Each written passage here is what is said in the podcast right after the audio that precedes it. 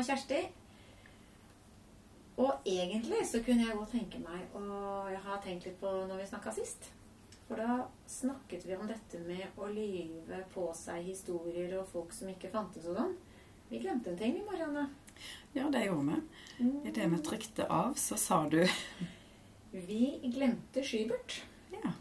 Eh, late som venn. Det er faktisk noe en del barn har. Og han blir borte etter en stund, men han er veldig viktig. Og i noen tilfeller så kan dette med å lyve på seg et familiemedlem man ikke har, lyve på seg en erfaring man ikke har, osv., handle om noe av det samme. Man lyver på seg en støtte man trenger. En slags beskyttelse, kanskje? Ja. Og jeg tenkte særlig på det når det gjaldt denne storebroren, for den har vi sett et par ganger. En ikke-eksisterende fantasistorebror. Han minner jo veldig mye om en skybert. Ja, det gjør han. Og det som du sier, de, går jo, de forsvinner jo når eh, en ikke har behov for dem lenger. Når en klarer seg på egen hånd, eller Så det var litt sånn La være å bruke så himla mye energi på å realitetsorientere barnet, for det blir bare en kamp. Og viser det seg at dette har litt andre dimensjoner, så drøft det med enten PPT eller noen andre i de foraene som fins. Ikke lag det større enn det må være. Litt der. Ja. ja. Det var litt oppsummering fra sist. Håper vi. Så hadde du et annet tema til oss i dag. Ja. Eh, jeg tenker litt på dette toleransevinduet. Toleransevinduet, ja. Ja. Det, for, det er moderne. Det Opp i tiden. Det er inne i tiden, og det har du eh, kjennskap til, Kjersti. Ja. Og vi har vel litt begynnende kjennskap til det rundt omkring i barnehagene og skolene og ellers. Um, også, Og da tenker du på begrepet, ikke selve vinduet. Jeg tenker på begrepet. Mm. Kanskje òg selve vinduet, men hvordan, hvordan kan vi bruke begrepet først og fremst, da, toleransevinduet, i, i møte med barn? Det er jo et eh, begrep og en modell for å forklare hvordan man støtter og hjelper mennesker som kommer i kaos, eh, og som har muligheten til å fokusere og lære, eller ikke det. Altså, hvor er behovet? Da er vi inne i traumeomsorgen i utgangspunktet. Det er der det kommer fra. Så det blir litt sånn belærende. uh, og det kan det jo også være. Uh, og det handler litt om dette med Når barn er veldig små, så strever de med å regulere seg. Og de trenger hjelp og støtte for å klare det. Det skal veldig lite til før et barn blir veldig fortvilet. Uh, får ikke mat fort nok, får ikke trøst fort nok. Ingen hører på meg når jeg trenger noe. Eh, og det kan gå veldig fort i kaos, eller det går egentlig ned i søvn eller apati. Og da er det veldig vanskelig å lære. Og det å være inne i vinduet sitt, som vi kaller det, det handler jo om å være i en tilstand hvor man kan forstå, skjønne verden, lære litt til. Og dette vinduet det blir sakte utvidet etter hvert som man er mer i det vinduet. Litt sånn som vi har snakket om tidligere, at barn blir gode på det du får trening i. Det er hjernen. Det er en muskel. Den må øves opp. Så hvis vi hjelper barnet til å være ofte i kaos, så blir det veldig godt på, bra og flink på å være i kaos. Med andre ord, det vil vi ikke. Og da har du dette med når et barn strever med regulering, så vil, er det gjerne disse her som blir veldig voldsomme vi legger merke til. Disse som blir fjerne, stille, og når de eventuelt sovner på sånne rare tider og steder Altså, hvorfor i all verden sovnet du nå? Eh, De blir vi ikke så oppmerksomme på. Men det er også en måte å beskytte seg mot verden og overload, som det heter på nynorsk. Så det er, en, det er en ganske sånn forklarlig modell på OK, hvor hjelper vi barnet nå? Og så snakker vi om at man er ute av vinduet. Du sier så fint at det er nesten som at du kan ta et vindu. Altså når du ser ut på verden, hvor mye får du med deg? Og jo smalere det vinduet er, jo mindre får du med deg. Og jo fortere så ser du rett i veggen. Så vi ønsker jo at det vinduet skal vies ut og bli stort og fint. Ja, jeg syns det er nyttig å, å, se på det som et konkret vindu, selv om det er en modell, så du sier, og et Mhm. begrep. Så, så, så gjør det det litt sånn eh, litt lettere forståelig for oss i, i vårt daglige arbeid med barn. For vi møter jo ulike barn. Noen har Og vi kanskje bruker vi ikke alltid begrepet toleransevindu sånn sett, men kanskje temperament. At noen har et har kort lunte. At det, sant? Altså de da gjerne er, går Det skal ikke så mye til før de er ute av vinduet sitt.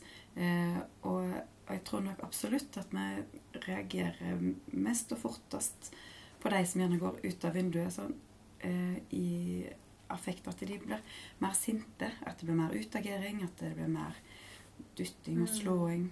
Eh, den type atferd enn den er mer innadvendte, introverte atferden som er at barnet blir stille og nesten forsvinner. Um, så når ting blir vanskelig, så, så de, går de i garderoben og legger seg under, under garderobeskapene, f.eks., eller gjemmer seg under et teppe, eller at det blir veldig stille, at du kan se at de liksom forsvinner litt i seg sjøl, Mm. eh, enn de som, som gjør masse ut av seg. Eh, og vinduer, så konkrete vinduer som må inn på, de kommer i ulike størrelser og varianter. Men hvordan kan vi hjelpe barn som, har, som vi opplever at har et ganske smalt toleransevindu?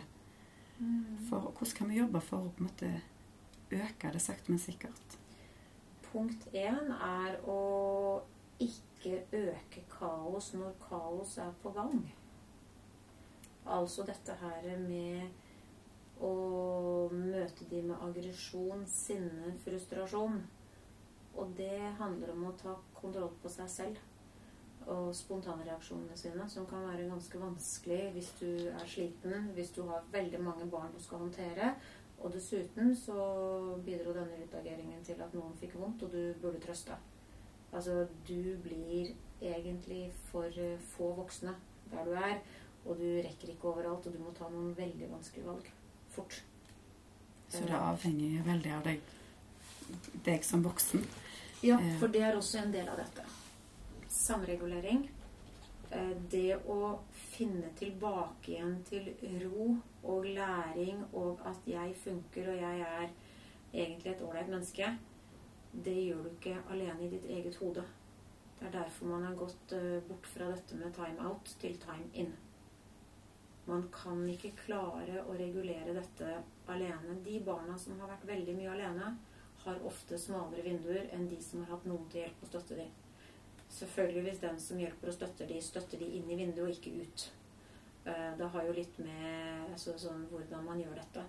For det handler om nærvær og en trygghet. Den voksne er trygg i sin måte å fungere på og formidle at 'dette fikser vi sammen'. Jeg er her for å støtte og hjelpe deg. Dette kan jeg noe om. Jeg vet at dette går bra. Klarer du å signalisere det til barn i kaos? Enten det er under eller over, så mye gjort. Og da er det som jeg sier, det hjelper ikke hva du sier. Det er måten du formidler det på. Varme, ro. Og så selvfølgelig, hvis barnet er helt hysterisk og verden er vanskelig, så hjelper det ikke at du blir helt rolig. Du må møte de Hei, du, jeg er her. Du må møte dem med energi. Tilsvarende energi, men at du er innafor og med vennlighet. Det som vi vil kalle en autoritativ voksen. Absolutt. Det er nok et fint begrep. Varme og kontroll. Jeg er voksen, jeg er sterk, jeg er klok, jeg vet hva som trengs, og jeg skal hjelpe deg med å få det til. Det er fin oppskrift. Det det er så lett. Helt til du står der eh, og kanskje ikke har helt kontroll på egne følelser, og kanskje sjøl står i kaos fordi det skjer masse ting rundt en i en konfliktsituasjon. Eh, eller at en føler at en skulle vært flere plasser samtidig. Eh, mange barn som trenger deg på en gang. Det å da på en måte kunne være til stede 100% og tone seg inn på det barnet som, som er utafor vinduet, enten om det er Mhm. over vinduet eller Det er, vi stiller ganske store krav til voksne som jobber med barn. Og så skal vi huske det at eh, barn tåler dårlig at du er perfekt hver gang. Det er noe med den tabbekvoten. Du som voksen bør også innimellom bomme. Da kommer hele dette her med å faktisk si noe om at du, unnskyld, jeg bomma. Jeg dumma meg ut. Eh, og jeg som voksen er heller ikke perfekt, men jeg er god nok. Og det er også den For å være litt sånn der eh, Hva heter det for noe? Grer veldig mange over en litt for fin greia kam, som ikke stemmer alltid, så er det noe med at det, det er litt mange flinke piker som jobber i barnehagen. Og de er livredde for å gjøre feil. Og det er litt viktig at man gjør noen feil. Samtidig som de feilene skal ikke handle om at man blir aggressiv på barnet. Man skal kanskje ha valgt feil person å trøste. Man skal kanskje ha sagt at ja, så gå og gå bort da en liten stund. Og så kommer man tilbake, så kan man si at du, jeg ba deg om å gå vekk. Det var dårlig gjort av meg. Du må ha også litt raushet overfor deg selv og dine menneskelige reaksjoner oppi dette her. Og det er en sånn en evaluere om det var lurt, rett og slett. Var det virksomt? Var det hjelpsomt? Og er det hjelpsomt på sikt? Gjorde dette jeg gjorde nå, dette barnet litt flinkere til å være i sitt vindu, eller kjørte jeg den ut av det? Ok, jeg har lært noe. Jeg kan velge annerledes neste gang. Dette er jo eh, det vi ønsker at ungene skal lære ut av. Det er det med å være autoritativ voksen. Det med å ha, som du sier, ha passe grader av varme og grenser så, så må, vil vi at de grensene skal, som vi setter, de rammene som vi setter for ungene, skal gi en læring. Og det at vi som voksne kan gjøre feil og komme tilbake og si 'unnskyld, det ble helt feil'. Det er jo òg eh, en god læring. Det er jo det vi ønsker at ungene òg skal kunne gjøre. Å kunne si mm. unnskyld, og etterpå evaluere og tenke at hm, det var kanskje et dårlig valg. Det ble, mm. det ble dumt. Det var ikke sånn som jeg hadde tenkt. Og så kunne si unnskyld også i lag. Mm finne andre nye løsninger eller andre måter å gjøre ting på. Tenk. For da kjører du og jeg kjapt fra toleransevindu til effektiv grensesetting. Og det handler jo om at disse tingene henger sammen. Mm -hmm. For du kan ikke grensesette et barn i kaos. Du må hjelpe det inn i vinduet sitt først. Og det handler om å ta kontroll på stemningen. Dette med roen. Eh, er det aggressivitet i stemningen der, så kan du ikke grensesette, og du kan ikke være varm. Du må ta, få inn varmen, roen, tryggheten på at jeg støtter og hjelper deg til å finne de gode valgene, og da er barnet klart til å bli grensesatt. Ikke sant? Disse tingene henger sammen. Det blir en sånn en Og er det disse tingene her som gjør at en stadig får økt eh, sitt toleransevindu, med at en får en, mm. gjør seg en del erfaringer i lag med andre med mm. rause og varme, omsorgsfulle, autoritative voksne. Barn blir gode på det de får trening i. Og det gjør voksne òg. Så hvis vi trener masse på å stoppe noe som er i ferd med å gå helt i kaos, og hvis kaos man går opp mot grensen og klarer å gå ned igjen istedenfor å gå over den grensen, og så kanskje gå enda videre ut av toleransevinduet, og jo lenger Så det er noe med å få har du et øving på å bli dratt tilbake igjen, så blir du flinkere på å bli dratt tilbake igjen. Det tar kortere tid. Og det gjør du best i samarbeid med andre. Det er i relasjon. Og det er litt sånn som man sier om dette med, med grensesetting. Du kan ikke grensesette mer enn det relasjonen tåler. Og det betyr at barnet må vite at du liker det, at du vil det vel, og at det har du bevist gang på gang. Og da tåler du mye mer at du er innom og hjelper og støtter. Så. Og jeg tror det skaper en trygghet òg, at ungene kan stole på deg når de gjentatte ganger opplever at det, mm. det du sier, det, det, gjør du, og det mener du, mm. eh, på en god måte. Så, de, så, så, gir det jo en trygghet i at eh, mm.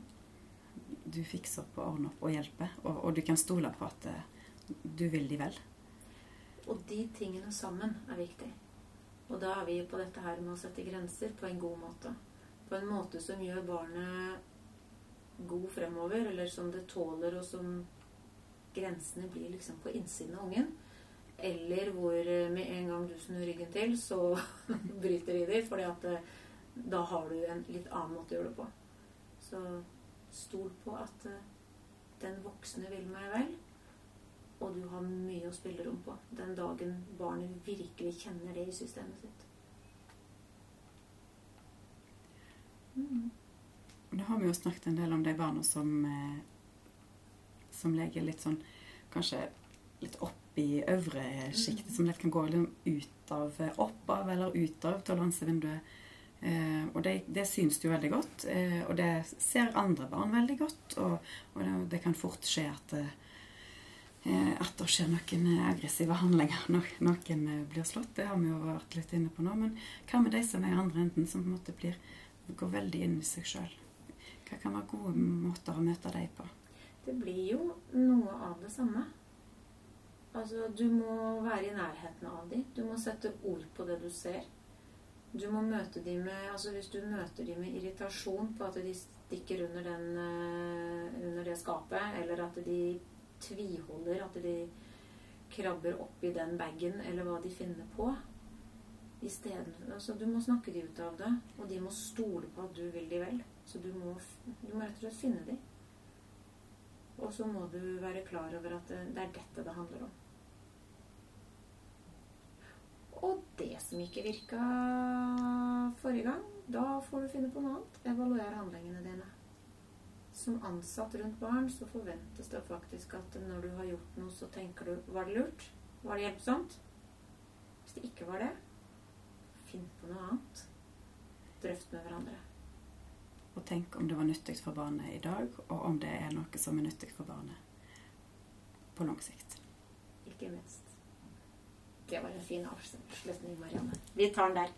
Ha det bra.